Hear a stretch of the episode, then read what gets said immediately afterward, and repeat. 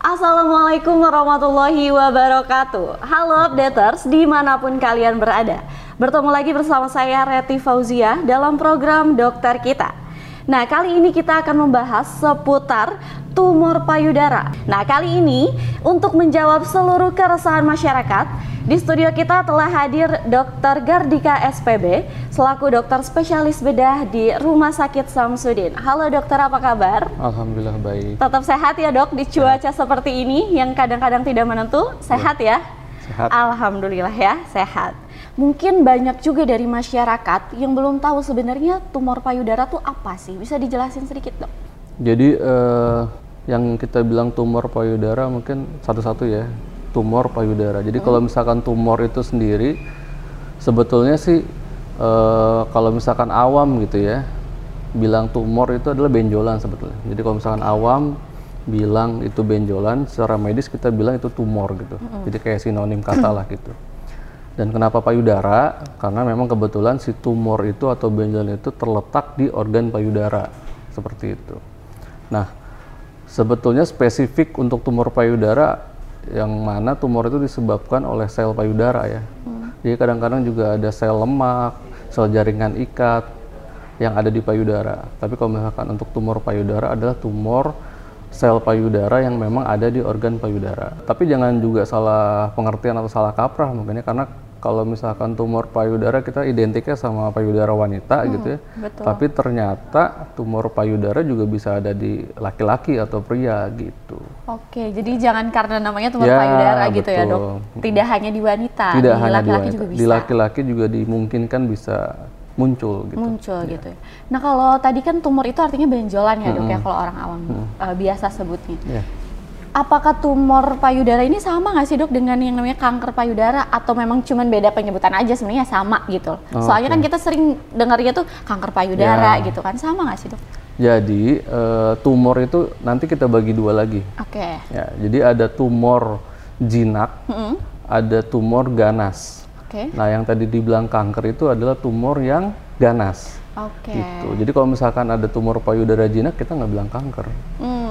Dan masing-masing punya karakteristik atau sifatnya masing-masing ya. Jadi tumor jinak seperti apa, tumor ganas atau kanker tadi seperti apa beda-beda gitu. Oke, jadi kanker itu penyebutan untuk tumor ganas Betul. gitu ya disebutnya kanker. Betul. Kayak gitu. Ya.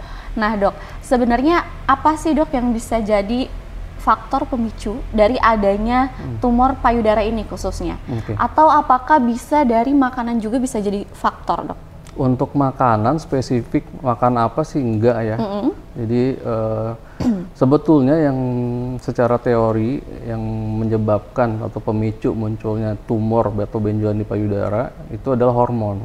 Okay. Nah karena eh, kebetulan ya hormonnya adalah hormon wanita estrogen, mm -hmm. jadi makanya kebanyakan terjadi pada wanita, wanita gitu. Pada pria kenapa bisa terjadi? Karena ternyata pria juga ada hormon estrogen tadi. Hmm. Jadi mungkin pada kondisi pria yang hormon estrogennya lebih tinggi dibanding normal pada umumnya pria, dia lebih tinggi, mungkin bisa terjadi pada pria gitu. Tapi memang mungkin lebih banyak dialami oleh wanita gitu. Ya, karena kan hormonnya hormonnya jelas dimiliki banyak. oleh wanita, hmm. estrogen itu kan gitu. Oke. Tadi dok uh, mengenai tumor jinak dan tumor yeah. ganas atau kanker. Yeah. Kita sebagai orang awam sebenarnya hmm. bisa membedakan nggak sih dok, yang hmm. mana tumor jinak dan hmm. yang mana yang namanya kanker gitu? Ya, uh, bisa sih ya. Cuman nanti lebih lanjut harusnya memang diperiksakan ke tenaga medis. Betul. Cuman yang bisa dilakukan sendiri gitu, tadi saya bilang di awal ada perbedaan sifat ya. Hmm jadi kalau misalkan eh, sifat-sifat uh, yang ganas seperti apa gitu kita berawal dari situ. Yang pertama dia progresivitasnya cepat, mm-hmm. ya.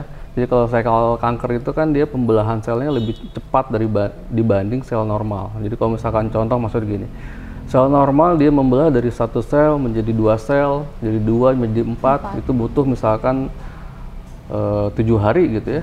Kalau misalkan sel kanker mungkin lebih singkat, mungkin dia hanya satu atau dua hari. Jadi bisa dibayangkan kalau misalkan dari satu jadi dua butuh tujuh hari, sel kanker jadi dalam tujuh hari bisa lebih banyak dari dua seperti itu. Jadi yang pertama progresivitasnya cepat. Hmm. Jadi kalau misalkan ada benjolan, kok dalam satu bulan tiba-tiba yang tadinya sebesar kelereng kok tiba-tiba sebesar contoh bola tenis gitu ya. Hmm. Jadi itu kan progresnya cepat. Hmm. Itu tanda yang pertama. Yang kedua eh, biasanya selain benjolan kalau di payudara ya muncul keluhan-keluhan tambahan biasanya. Jadi tidak hanya benjolan aja. Yang pertama mungkin si ibu tadi mengeluh kok ini perubahan kulitnya ada ya. Misalkan kulitnya jadi berkerut seperti kulit jeruk misalkan. Hmm atau mung mungkin muncul luka atau mungkin seperti borok atau bisul bisa jadi seperti itu. Hmm. Kemudian kok gambaran kulit payudara saya ada yang seperti apa namanya tertarik ke dalam juga bisa. Hmm. Atau misalkan kok puting payudara saya yang ada benjolan kenapa tercelup ke dalam, tertarik ke dalam ya. Padahal yang sebelahnya yang tidak ada benjolan biasa-biasa aja.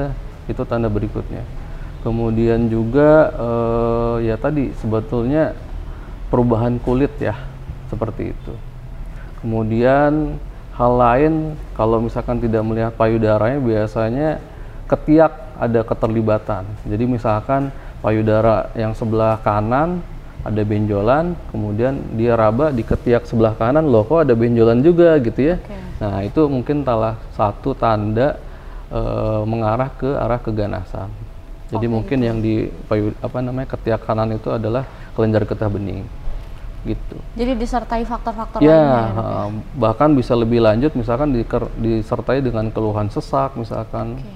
Kemudian nyeri kepala hebat, sakit-sakit tulang seperti itu.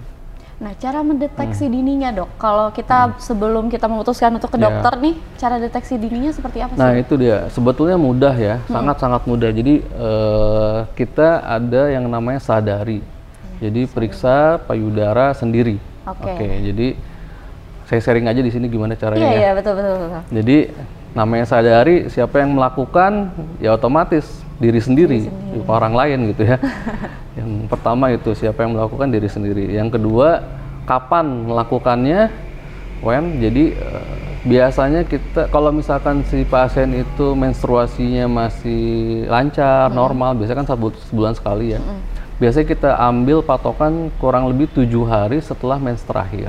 Okay. Contoh misalkan uh, teteh mens terakhirnya hari ini misalkan mm. udah bersih nih hari mm. ini, berarti ceknya kapan? Berarti seminggu dari hari ini. Okay. Seperti itu.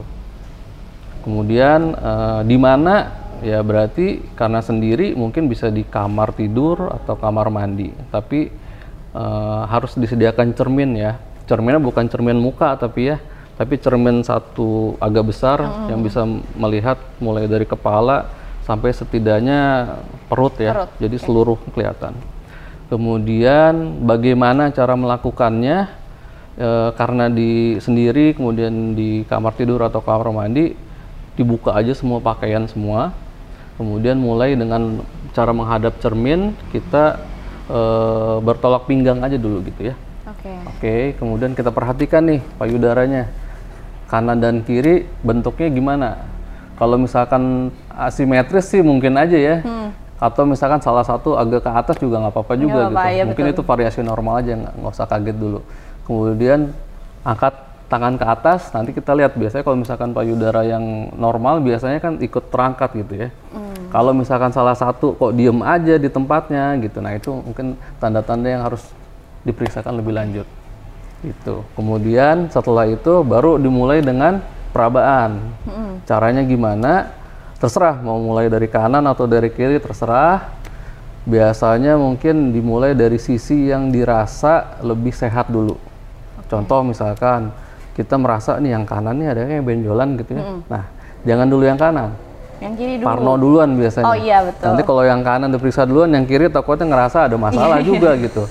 Caranya gimana? Contoh misalkan kita mulai dari yang kanan ya. Ini tangan kanan kita posisikan di belakang kepala biasanya. Okay. Kenapa? Karena untuk membusungkan dadanya. Jadi dadanya kita busungkan, kita ekspos ke depan gitu ya, hmm. supaya kalau misalkan ada benjolan di situ lebih ekspos ke depan iya. ya lebih kelihatan mungkin atau mungkin dapat diraba dengan lebih jelas oh, gitu. Setelah seperti ini baru tangan sebelahnya yang kiri yang bebas itu baru memeriksa. Nah, cara memeriksanya gimana? Sebetulnya kuncinya sistematis ya. Jadi jangan mencelok-mencelok gitu loh. nah, gitu. Jadi sistematis. Jadi terserah bisa mulai dari luar, ya melingkar ke arah sentral ke dalam ke arah puting atau sebaliknya dari arah sentral mungkin melingkar keluar atau mau atas bawah juga nggak apa-apa. Intinya sistematis. Oke. Cuman kalau saya sih pribadi lebih prefer untuk yang melingkar ya ke dalam. Nah, biasanya lebih apa namanya? Kalau lingkaran kita tahu kan ya udah ke sini apa belum gitu. Iya, iya, iya. Seperti itu. Setelah dilakukan pemeriksaan tadi, kalau misalkan dirasa ada ditemukan benjolan, nah nanti kita lihat ya benjolannya sebelah mana. Ini kan kalau misalkan payudara itu kan seperti arah jarum jam ya. Ya, puting itu kan sentralnya. Contoh misalkan di atas ya pas arah jam 12 ke jam 11 ke seperti itu. Nanti nanti saat kontrol ke dokter, "Dok, kemarin saya sadari saya ngeraba ada benjolan nih kayaknya di arah jam segini." Nah, nanti dokter mengkonfirmasi seperti itu. Kemudian untuk si apa namanya setelah selesai tadi payudara, baru kita nanti cek ketiaknya ya. Jadi kan bisa lanjut langsung ke tiak. Nah, diraba mulai dari belakang, di area tengah sampai ke depan, ya. Sama juga nanti eh, ditentukan sama si pemeriksa tadi ada atau tidakkah benjolan seperti itu.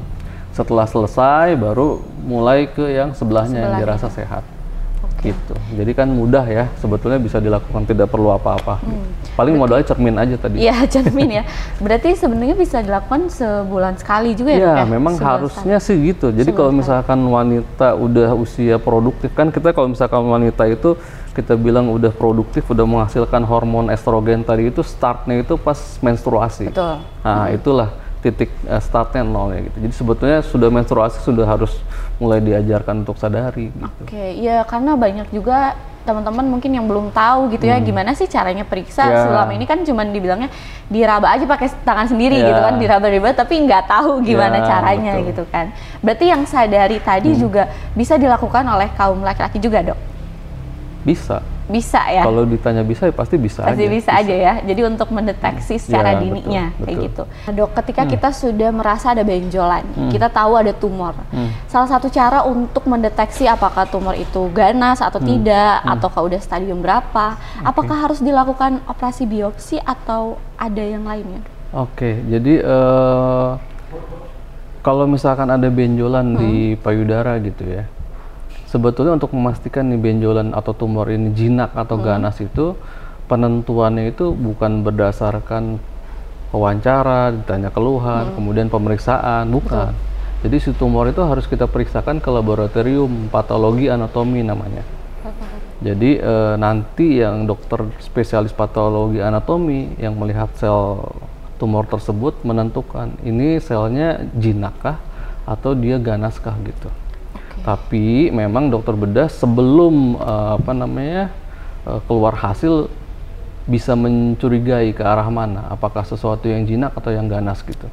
Ibaratnya gini deh, misalkan di satu ruangan ya ada saya sama teteh gitu ya, kemudian ada orang ketiga kehilangan HP gitu, ya nggak?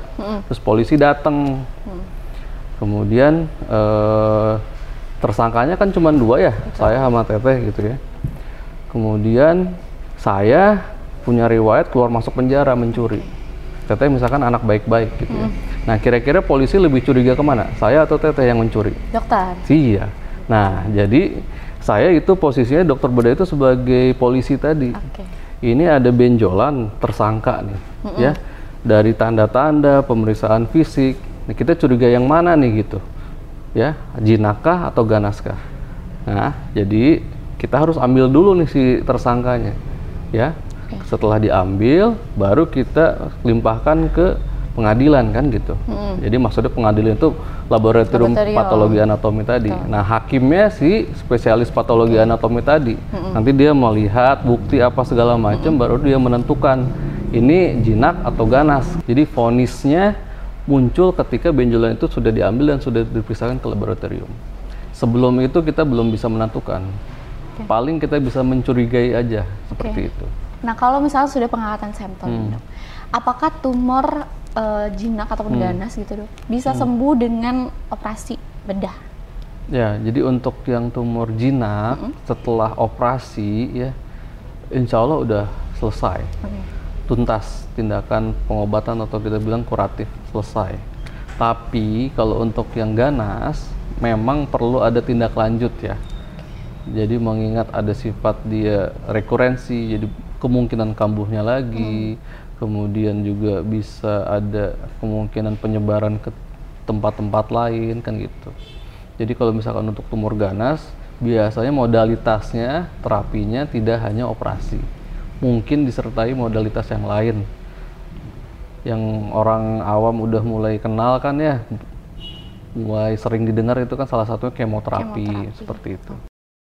Nah sebelum lanjut nih dok, hmm. uh, saya akan membaca pertanyaan dari hmm. updaters yang sudah uh, komentar di akun media sosial kita yaitu dari @auraalia underscore. Katanya halo dokter, apakah tumor payudara juga bisa dialami oleh kaum pria? Tadi sebenarnya udah dijawab oh, ya dok. Boleh dijawab lagi nih dok? Okay. Menegaskan. Jadi uh, ya bisa ya sebetulnya. Jadi karena pada beberapa pria juga normalnya memang ada tadi hormon wanita estrogen itu, cuman uh, hmm. dia jumlahnya lebih atau proporsinya lebih kecil dibanding hormon prianya testosteron gitu ya. Jadi kalau misalkan pada pria tersebut porsinya lebih nggak mungkin lebih tinggi sih dibanding estrogen ya. Yeah. Cuman mungkin dia uh, lebih meningkat lah gitu ya. Ada kemungkinan pada pria juga terjadi tumor payudara. Okay. Gitu. Seperti itu ya Aura Alia, semoga membantu jawabannya. Baik updaters, masih bersama saya Reti Fauzia dalam program Dokter Kita dan narasumber kita kali ini yaitu Dokter Gardika. Acara ini didukung oleh Dinas Kominfo Kota Sukabumi, Universitas Nusa Putra, Radio Perintis dan Rumah Sakit Samsudin SH. Baik dokter, kita lanjut ke pertanyaan selanjutnya. Ya. Apakah tumor payudara merupakan penyakit genetik atau turunan? Hmm, jadi gini menjelaskannya, kalau misalkan genetik, misalkan ibunya Mm-mm. punya riwayat kanker Betul. payudara, apakah anaknya pasti Betul. punya juga kanker payudara? Tidak seperti itu.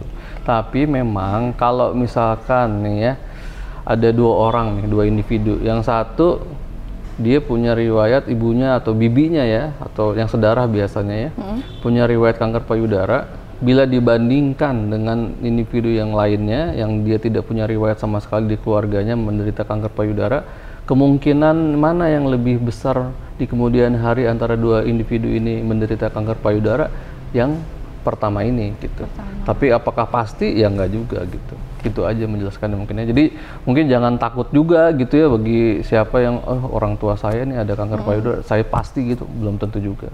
Gitu. Cuman kemungkinannya pasti ada. Ya, memang ada. Persentasenya lebih besar dibanding yang tidak punya riwayat genetik seperti itu. Oke, baik dok, saya hmm. akan bacakan lagi satu pertanyaan dari updaters yaitu Etnovalasa. Halo dok, apakah tumor bisa dialami pada remaja atau anak di bawah usia 10 tahun? Bisa. Saya pernah dapat pasien yang usianya uh, masih kecil mungkin ya, okay. di, di bawah 10 tahun gitu ya. Mungkin saja bisa. Jadi semua apa namanya sepertinya tapi gini uh, biasanya apa namanya setiap penyakit ada karakteristik hmm. usia, jenis kelamin gitu ya. Tapi di luar itu juga bisa aja terjadi seperti Oke, itu. Jadi bisa ya dok bisa. dialami oleh anak kecil bahkan bisa. di bawah usia 10 tahun. Bisa. Nah dok di penghujung acara kali hmm. ini adakah tips dan cara mencegah agar tidak terkena kanker payudara ini? Boleh di sharing ke update? Ya, jadi uh, untuk mencegahnya seperti apa? Sebetulnya gini, ada faktor resiko yang memang udah nggak bisa dihindari, ya. Ada faktor resiko yang masih bisa kita modifikasi. Untuk tumor payudara, kenapa sering pada wanita? Ya hmm. udah jelas ada faktor resiko yang nggak mungkin setiap wanita bisa hindari kan. Hmm. Hormon betul, tadi loh, betul. hormon estrogen. Kan hormon estrogen itu memang dikasih untuk apa namanya perkembangan atau metabolisme organ kewanitaan kan? Menstruasi ya pertumbuhan organ-organ kehamilan dan sebagainya. Itu nggak bisa kita hindari kan? Udah otomatis setiap wanita pasti udah ada faktor risiko tersebut. Okay. yang berikutnya adalah faktor risiko yang bisa dimodifikasi. Jadi eh, contoh misalkan harus pola hidup sehat gimana? Ya betul memang. Jadi yang berisiko kan salah satunya rokok ya alkohol kemudian obesitas kemudian terpapar faktor-faktor radikal bebas ya salah satunya ya tadi asap rokok misalkan kemudian makan makanan asupan gitu Jadi memang uh, anjurannya adalah balik lagi ke pola hidup sehat, ya, uh, makan yang baik, kemudian olahraga teratur seperti itu. Mungkin okay. itu yang bisa diberikan. Terima kasih dokter ya. atas tipsnya dan juga waktunya yang sudah menjawab pertanyaan dari updaters juga kita kali ini. Nah untuk updater semua, yang bertanya, dua orang penanya tadi berhak mendapatkan voucher pulsa senilai Rp100.000. Kami persilakan untuk menghubungi nomor 0852 1004 2696. Terima kasih banyak dokter atas ya. waktunya. Dan juga updater sampai jumpa di episode selanjutnya. Salam suka bumi update, salam sehat.